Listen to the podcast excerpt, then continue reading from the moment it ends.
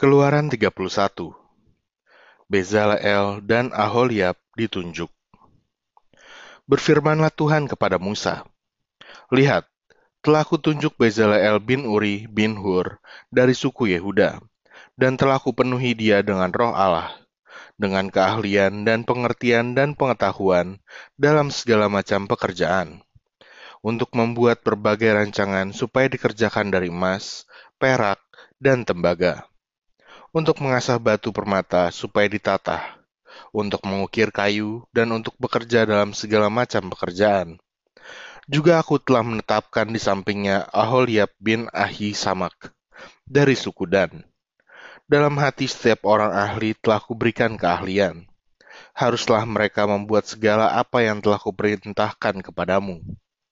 Kemah pertemuan, tabut untuk hukum, tutup pendamaian yang terletak di atasnya, dan segala perabotan kemah itu, yakni meja dengan perkakasnya, kandil dari emas murni dengan segala perkakasnya, mesbah pembakaran ukupan, mesbah korban bakaran dengan segala perkakasnya, bejana pembasuhan dengan alasnya, pakaian jabatan, baik pakaian kudus kepunyaan Imam Harun maupun pakaian anak-anaknya, untuk memegang jabatan imam minyak urapan dan ukupan dari wangi-wangian untuk tempat kudus, tepat seperti yang telah kuperintahkan kepadamu, haruslah mereka membuat semuanya.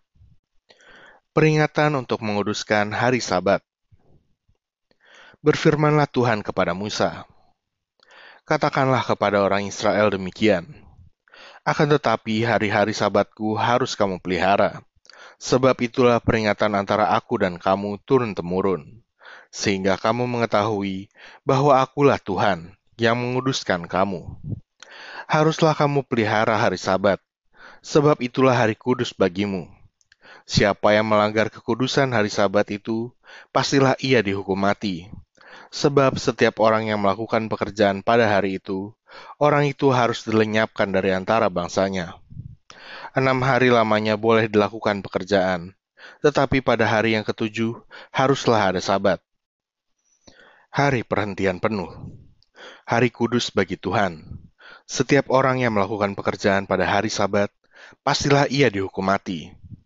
Maka seharuslah orang Israel memelihara hari Sabat dengan merayakan Sabat turun-temurun menjadi perjanjian kekal antara aku dan orang Israel. Maka inilah suatu peringatan untuk selama-lamanya. Sebab enam hari lamanya Tuhan menjadikan langit dan bumi dan pada hari yang ketujuh ia berhenti bekerja untuk beristirahat. Musa menerima kedua loh hukum. Dan Tuhan memberikan kepada Musa setelah ia selesai berbicara dengan dia di Gunung Sinai, kedua loh hukum Allah, loh batu yang ditulisi oleh jari Allah.